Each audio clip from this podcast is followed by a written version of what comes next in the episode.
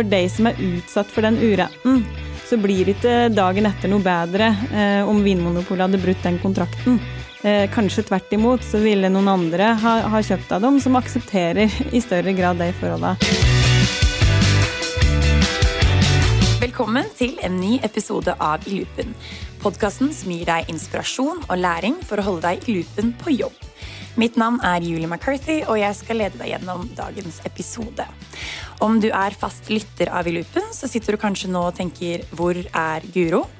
Da kan jeg meddele at jeg og mine flotte medkollegaer Danat og Kristoffer har tatt over som programledere av I loopen og skal rotere på å ha hver våre episoder.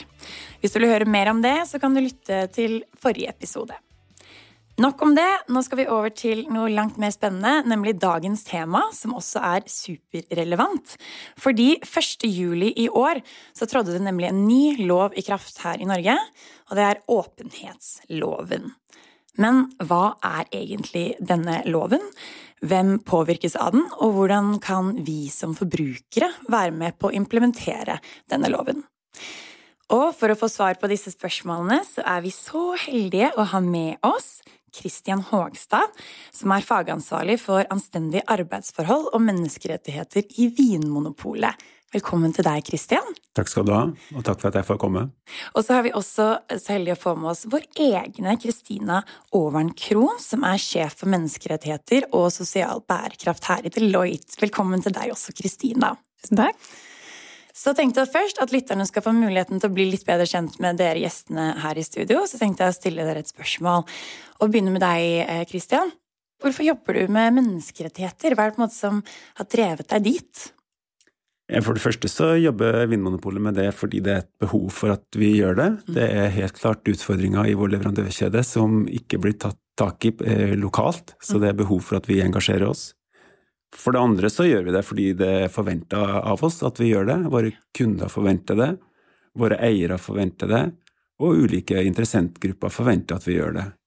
Og Vinmonopolet ønsker å fremstå som en ansvarlig virksomhet, og det er helt uh, naturlig for oss at vi engasjerer oss i disse spørsmålene. Mm. Og du da, Kristina? Du jobber da, du er sjef for menneskerettigheter her i Deloitte. Har det også vært litt sånn tilfeldig, eller er det noe som har drevet deg?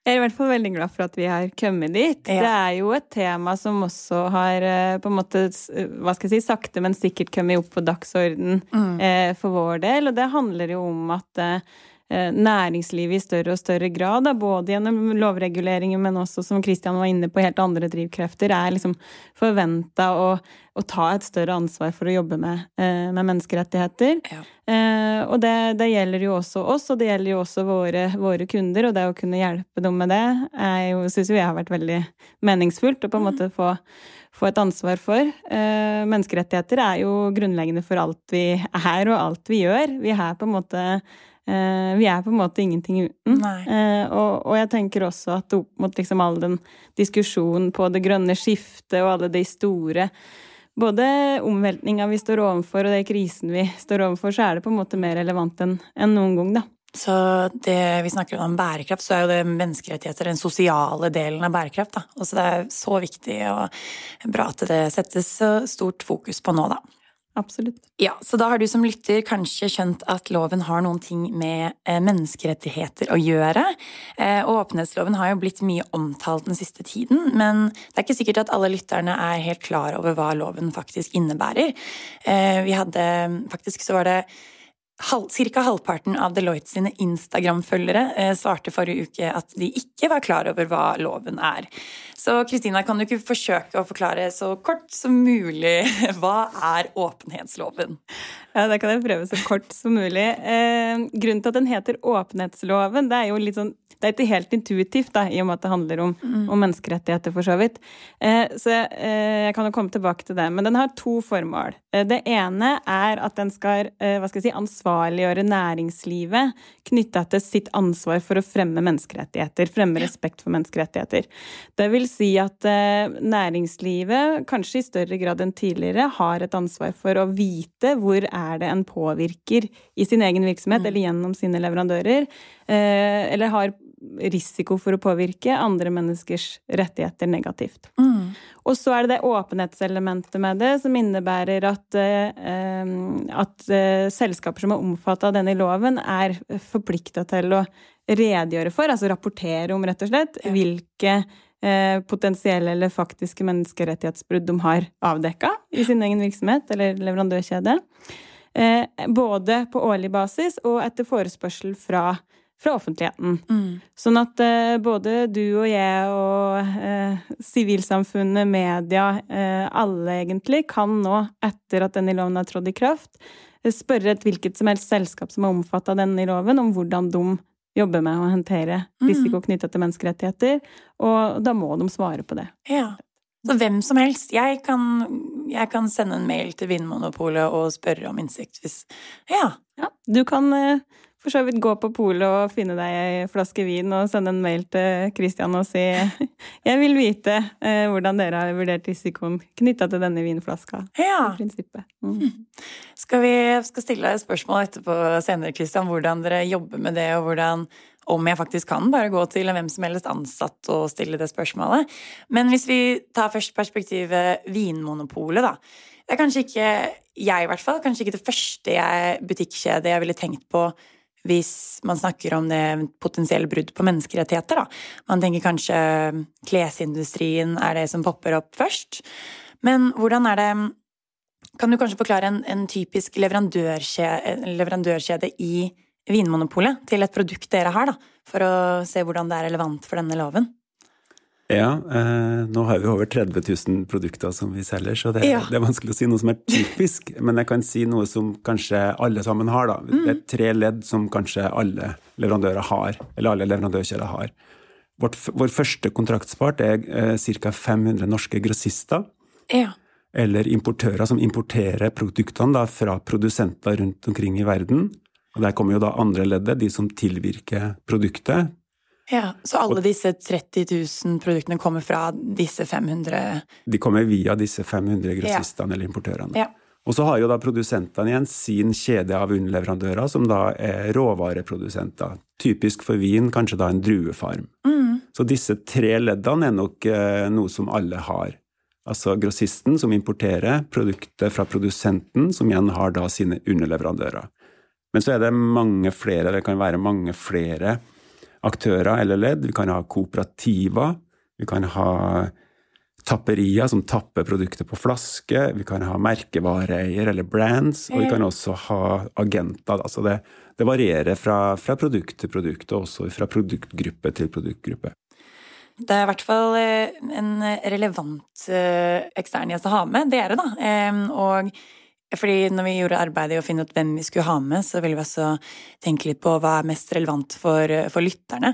Eh, men med en rekordhøy omsetning i fjor, på nesten 120 millioner liter, så vil jeg jo tørre å påstå og si at eh, Vinmonopolet er en svært eh, relevant aktør for lytterne også, da. Og så kan jeg jo tilføye, hvis jeg får lov, at ja. du knytta jo kanskje høyest risiko til klesbransjen, men mm. vi tilhører jo faktisk jordbrukssektoren, eh, ja. som det er knytta store risiko og utfordringer til. Mm. Og et vesentlig trekk ved vår leverandørkjede var at de høyeste risikoene finnes jeg lengst nede i leverandørkjeden, der råvarene blir ja. dyrka. Ja.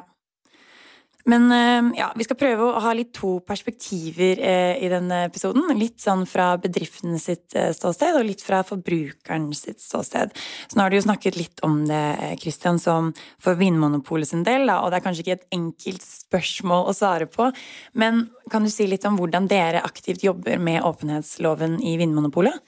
Ja, vi har jo, vi jo jobba en stund med oppfølging av leverandørkjeda, og, ja. og, i prinsippet fulgt også denne veilederen som det står at vi skal følge i åpningsloven, altså OECDs retningslinjer. Mm. Og det sentrale for oss er å identifisere de fremtredende risikoene som finner seg i vår leverandørkjede, og som kanskje berører flere produsenter, i stedet for å gå på enkeltprodusenter. Ja. Og når vi så da har identifisert disse risikoene, så handler det om å sette i gang tiltak mot risikoene, og da jobber vi gjerne forebyggende eh, med forebyggende tiltak, gjerne i form av kompetansebygging hos produsentene, slik at de selv blir i stand til å gjennomføre tiltak. I stedet at vi skal gå på, på enkeltprodusenter og, og, gjennomføre tiltakene selv. Da blir det veldig få produsenter vi kommer over. Mm. Men ved å ha sånne eh, programmer da, som, som favner over flere, så når vi bredere ut med våre tiltak. Har du et konkret eksempel på at eh, tiltak som er gjort? Vi ble jo gjort oppmerksom på for noen år siden eh, om alvorlige utfordringer, må jeg vel kunne si, mm. sukkerrørs, for sukkerrørsarbeidere i Mellom-Amerika ja. eh, og i Kariben, som jobba under svært tøffe arbeidsforhold. Eh, I stekende sol med høy temperatur og uten tilgang til eh, tilstrekkelig med drikkevann. Dette førte til alvorlige helsemessige konsekvenser for arbeiderne, og i mange tilfeller faktisk med dødelig utfall. Og så er det relativt enkle grep som skal til eh, for å bedre på situasjonen. Det handler om å styre arbeidstiden slik at de unngår å jobbe på den tida av døgnet hvor sola er sterkest og ja, temperaturen er høyest. Flytte arbeidstidene litt, ja. rett og slett? Det handler om å ha hyppige pauser, og mm. gjerne da i skygge for sola under flyttbare telt som man kan ta med seg, ja. som gir, eh, gir skygge.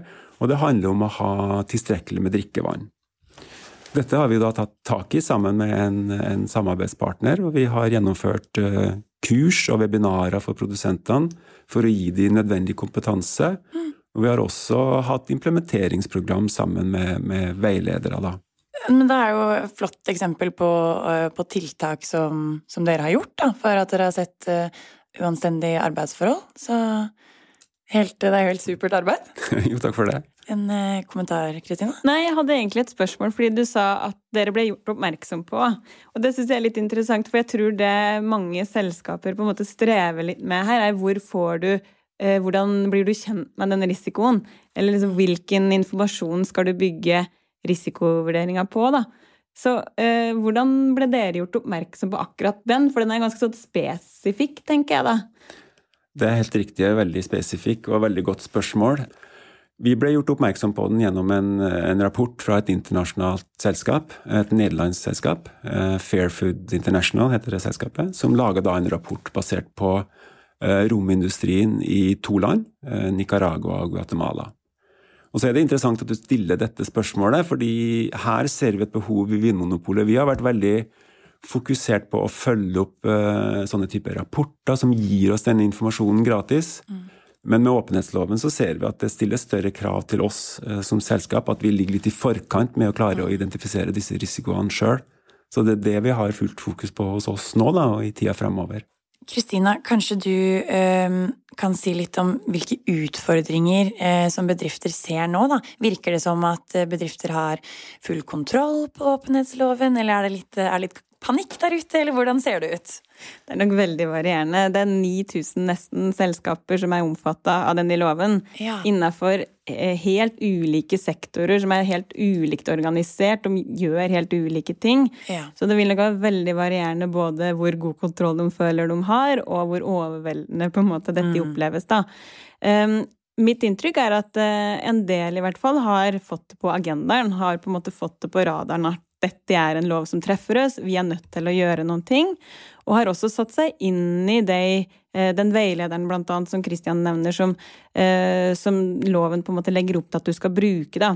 Det er jo ikke en veldig komplisert lov som sådan, den er ganske kort. Eh, ja. Så det som er vanskelig, er jo å jobbe med det i praksis. Eh, det vi nok merker, er at eh, mange strever litt med nettopp den 'hvor skal jeg begynne?' Mm. Eh, eller hvor, hvor, finner jeg på en måte den informasjonen jeg trenger for å klare å vurdere risiko?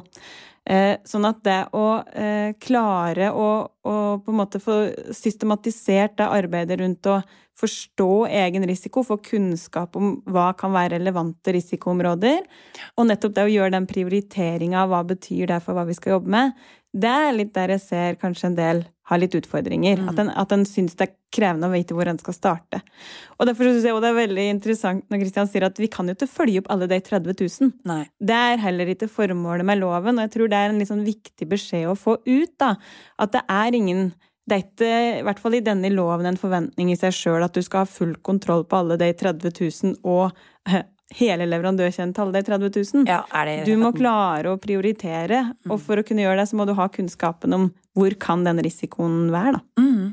Ja, det er fint det du sier med måte, formålet med loven, da. At uh, det er ingen som kommer til å kunne klare å ha oversikt over alle de 30 000 produktene man har, da. Men det, og det å være åpen om det. Uh, for jeg syns selv det er litt vanskelig å forstå uh, hvilke, hvor streng denne loven er, da. Både for bedriftene, men også litt sånn jeg som forbruker hva jeg har krav på, hvilke rettigheter jeg har til å ha denne innsikten. Da. Eh, for nå har vi snakket litt om eh, bedriftene, eller liksom hvordan åpenhetsloven er for Vinmonopol og bedrifter generelt, men også lyst, lyst, til å prate om hvordan den påvirker meg som forbruker, da. og hvilke rettigheter jeg har. Hvis jeg, hvis jeg har lyst til å kjøpe en, en vinflaske, da, men så har jeg hørt at eh, fått nyss om at det har vært noe moderne slaveri da, i et sted i leverandørkjeden av den vinflasken, kan jeg da sende en mail til Christian og si hei, jeg har hørt dette, um, usikker på om det faktisk ligger noe i det, men jeg vil gjerne ha innsikt i leverandørkjeden. Hvilke rettigheter har jeg? Altså Forbrukeren sine rettigheter i denne loven ligger jo først og fremst i den informasjonsretten som du er inne på nå, eh, som, som, innebærer at, eh, som jeg vel sa litt innledningsvis, altså alle, eh, alle de selskapene som er omfattet av denne loven, har en plikt til å svare på forespørsler fra offentligheten, altså fra allmennheten, hvem som helst. Ja. Sånn at som forbruker så er din rettighet det at du overfor alle disse 9000 kan skriftlig stille et spørsmål til selskapet. Mm. Og da må jo selskapet på en måte ha vist deg hvor kan jeg stille spørsmålet. Det bør stå på hjemmesida, f.eks. Ja. Eller det bør kanskje stå i butikken, eller eh, Ja, det kan jo være litt avhengig av hvilken type selskap det er, da. Ja. Så du må vite hvor du skal henvende deg, og så kan du si at jeg ønsker informasjon om aktsomhetsvurderingen, som det heter, da, mm. eh, knytta til dette eh, produktet. Ja det skal være relevant, spørsmålet. da. Det skal handle om ja. på en måte noe som, som uh, knytter seg til ivaretakelse av menneskerettigheter i produksjonen av det produktet. Ja. Men det er jo en del elementer i denne loven som er ganske sånn åpent. Så akkurat liksom, begrensningen i hva du kan spørre om og sånn, er nok ikke helt klarlagt heller rettslig sett. da. Men, men, det å sende den forespørselen og be om mer informasjon om dette produktet, det har du som forbruker rett til. Og må de da Eh, bedriften altså svare til dette? Hvor lang tid har de på en måte til å finne ut av det, da? Tre uker har de i utgangspunktet til å svare på det. Sånn at det er en ganske kort uh, tidsfrist. Så kan det jo være at det du har spurt om, ikke er en del av det uh, Vinmonopolet har prioritert. Mm. Altså kan da kan Vinmonopolet si at vet du, dette produktet har ikke vi vurdert som høy risiko, derfor så har det på en måte ikke vært prioritert i vårt mm. arbeid her. I noen tilfeller så kan det være at uh, det spørsmålet som stilles er såpass komplisert eller omfattende at det krever mer undersøkelser fra selskapet. Ja. Eh, og da har en mulighet til å påberope seg inntil seks uker, da. To måneder. To måneder, Takk skal du ha. Ja. Men, men, det skal være grunngitt, da. Da skal det være en god grunn til at du trenger lengre tid på å gjøre det, gjøre de undersøkelser. Så du må uansett svare. Og du må uansett gi et svar som er dekkende eh, for den, det spørsmålet du fikk. Ja. Og så må man svare innen tre uker at man trenger lengre tid også. Ja, ok. Så du må i hvert fall et, gi et svar i løpet av tre uker, og så kan du også si da at vi trenger kanskje litt lengre tid til dette spørsmålet. Hvor eh, ja, nå trådte jo loven i kraft 1. juli. Hvor mange forespørsler er det dere har fått siden den tid? Vi har fått én forespørsel, en? den fikk vi på første dagen hvor loven ja. trådte i kraft. Noen sto klar, ja. Noen sto klar, helt klart. ja. Men Kristina, du snakket litt om eh, prioriteringer som bedriftene må gjøre. da. Mm. Kan du Kristian, kanskje forklare litt hvordan dere gjør disse prioriteringene, disse risikovurderingene eh, i Vinmonopolet? Vi analyserer jo situasjonen. Ja. Eh, vi har jo verktøy. Vi har jo mm. um, vi har medlemskap av bedrifter som jobber med risiko, som, som sin virksomhet. Så vi, vi, får jo kartlagt risikobildet rundt omkring i hele verden kontinuerlig. Ja. Eh, det er jo utgangspunkt. Så er, vi, så er vi medlem av en bærekraftsorganisasjon som heter Amfori BSI, som har tilholdssted i Brussel. Ja. De har også sine risikovurderinger og gir ut en oversikt over hva de betrakter som risikoland. I tillegg så har vi jo vært mye ute og besøkt produsenter, vært ute i markedet, og vi har sett med egne øyne hvordan situasjonen er. Vi har gjennomført ganske mange revisjoner. Mm. Vi har også deltatt på ganske mange av disse revisjonene selv. Da får vi et godt inntrykk av hvordan situasjonen er. Men også, også har vi disse rapportene som jeg nevnte, ja. som også er veldig viktig for oss. Mm. Og så er det klart at uh, vi, vi, ønsker jo åpenhetsloven velkommen, og vi har jo alltid sett på henvendelser fra publikum som en ressurs. Uh, de, de, kan gi oss Én uh, ting å komme med et spørsmål, og det som kanskje er enda mer interessant for oss, er jo hvis de kommer med et tips. Ja. Jeg har vært i Sør-Afrika jeg har vært og besøkt en vinfarm. Det så ikke bra ut. Ja, ikke sant. Det er jo det er jo verdifull informasjon for oss som vi, vi må bruke masse penger på å gjennomføre en revisjon f.eks. For, eksempel, for å få sånn informasjon selv. Ja. får vi helt gratis, så det ser vi veldig positivt på. Eh, mm. Sånne henvendelser. Ja. Du sier at dere er på besøk. Altså, kan det være alle steg i leverandørkjeden? Er det sånn at f.eks. en rørsukkerplantasje, er dere nede og besøker de? Ja, det er vi. Ja. Vi, vi, prioriterer å besøke de laveste nivåene i, i leverandørkjeden, der hvor risikoen er høyest. Så vi ja. besøker vin, vinfarma, eh, sukkerrørsplantasjer osv. Ja. Er det uanmeldte besøk, da, eller som Nei, vi, det gjør vi ikke. Nei. Fordi det har eh, Vi har anledning til å gjøre det, også uanmeldte revisjoner. Ja. Men vi ønsker ikke å komme til en låst dør eller at det passer ekstremt dårlig. Ja. Vi ønsker jo et konstruktivt samarbeid med produsentene mm. eh, om utfordringene og jobbe sammen med dem i å utbedre forholdene. Og da mm, har vi lagt oss på en holdning at vi, vi ønsker ikke å komme uoppfordra, uvarsla, fordi det, det, skaper litt sånn dårlig utgangspunkt og dårlig klima for å samarbeide. Ja. Kan jeg spørre, er det alltid sporbart? Vet du alltid hvor den eh, eh sukkerplantasjen er, f.eks.? Nei, det er jo en utfordring. Eh, for det første så er det et stort arbeid å skaffe seg informasjon eh, i seg selv. Eh, og for det andre er at det kan være vanskelig å få den informasjonen også. Mm. Det kan jo være at sukker er, er samla inn til, en, til, et sentralt sted, sentralt mm. sted, og så er det blanda med, med, sukker fra andre leverandører. Mm. Så det er litt, sånn, litt håpløst å, å, finne det. Men, men vi gjør så godt vi kan å komme ned til kilden, eller ned til råvareprodusenten. Er det noen eh, produkter dere har sett eh, flest, hvor det er flest risikoer ved, da? Eh, du nevnte jo rørsukker, men dere ser de samme sånn i vinproduksjon, for eksempel? Ja, vi har jo områder som, er, som har høyere risiko enn andre. Ja. Sør-Afrika er jo et land som vi har jobba ganske lenge med nå. Mm. Det starta også egentlig gjennom en, en rapport, eller en TV-dokumentar, faktisk, som ble vist på NRK Brennpunkt for, ja. for, noen år siden. Som beskrev om eh, Ja, de beskrev det som slavelignende tilstander, rett og slett, ja. i Sør-Afrika. Eh, det kunne ikke vi leve med, Nei. så vi valgte å undersøke saken. Og vi gjennomførte massive revisjoner mm. like etterpå. 22 revisjoner gjennomførte vi på en, en måned, hvor vi deltok selv hele måneden. Og vi kommer egentlig til at det som ble hevda i dokumentaren, det var en relativt god dekning for. Ja. Så da starta en jobb for oss eh, tilbake i 2017 som vi fortsatt jobber med. Ja. Og det handler om eh, Den største utfordringen, sånn som vi ser det i Sør-Afrika, handler om diskriminering og verbal trakassering av ansatte. Ja, ikke sant. Og det er veldig vanskelig å ta tak i utgangspunktet. Veldig ja. vanskelig å fortelle en produsent at du må slutte å trakassere dine arbeidere. Mm. Så her har vi søkt å gå mer på de bakenforliggende årsakene til problemene, og jobbe med de. Og vi jobber med en lokal eh, organisasjon der nede da, som holder kurs for oss hos vingårdene. Og, og til sammen nå, i løpet av eh, de to siste årene, vi starta med dette i 2019, så har over 1000 arbeidere og ledere på vin, Vinfarma deltatt på disse kursene. Ja. Vi har fått svært gode tilbakemeldinger, og produsentene ser dette som et godt utgangspunkt for å jobbe videre med arbeidsmiljøet, og har valgt å videreføre disse da, prosjektene på egen hånd også. Kristina, hva er det som er konsekvensene, da, hvis eh, det er gjort en aktsomhetsvurdering, og så har man funnet ut at ok, her er det uanstendig arbeidsforhold.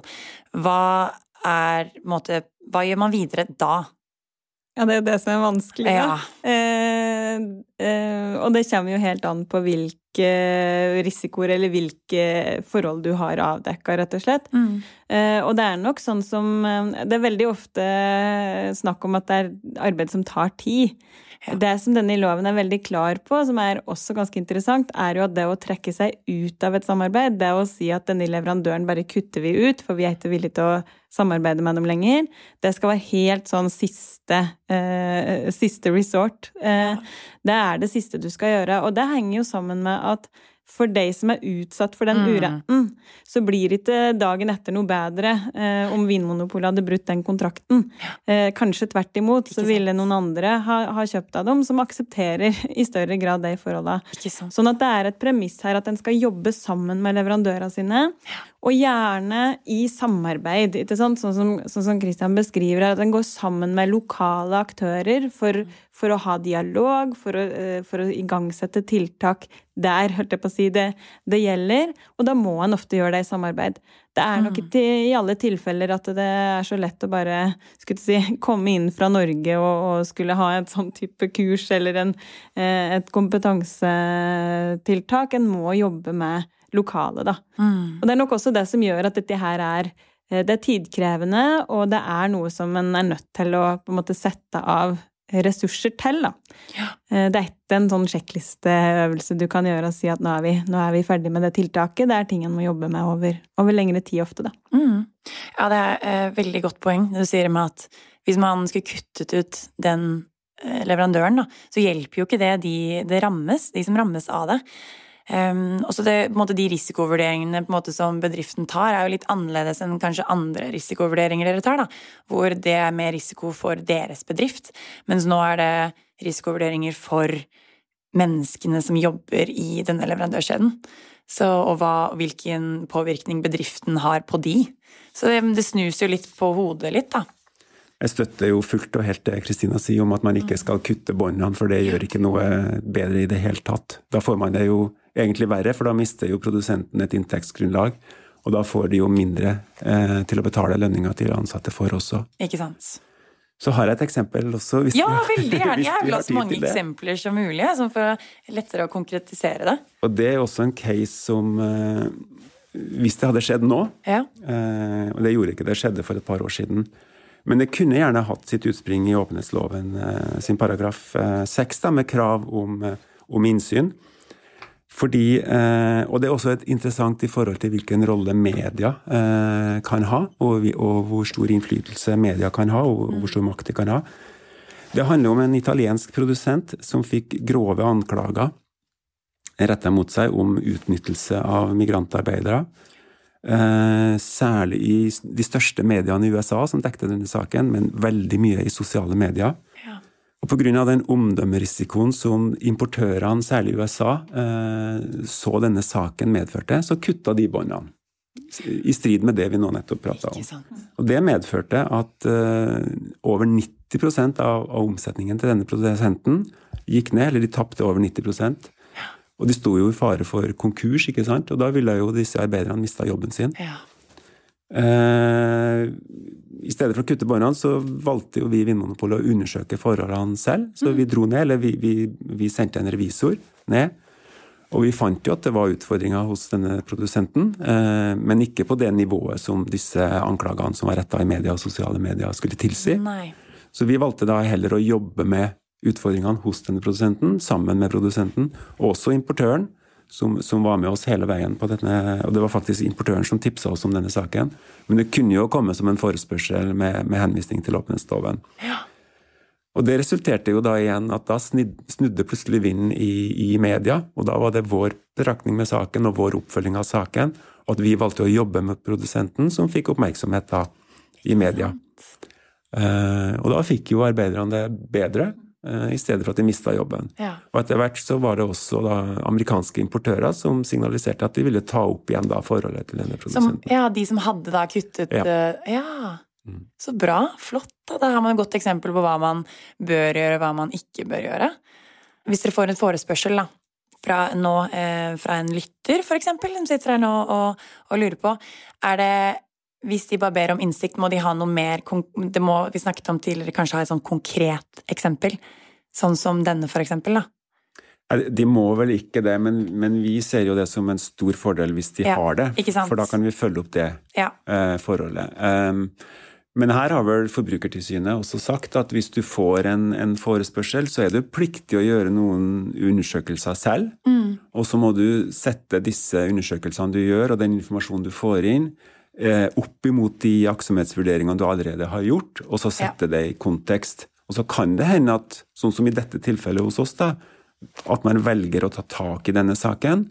Eller så kan man kanskje si at beklager, men denne saken når ikke helt opp i, i våre risikovurderinger. Ja. Vi har større utfordringer andre steder, og vi velger å prioritere det. Ja. Så hvis du som lytter sitter og tenker at du gjerne vil ha litt innsikt, så kan vi jo hjelpe Christian og de andre bedriftene å kanskje gjøre litt research på egen hånd, da, så ikke man bare stiller et spørsmål 'la meg få innsikt i leverandørkjeden', for det er ikke, det er ikke helt rett frem.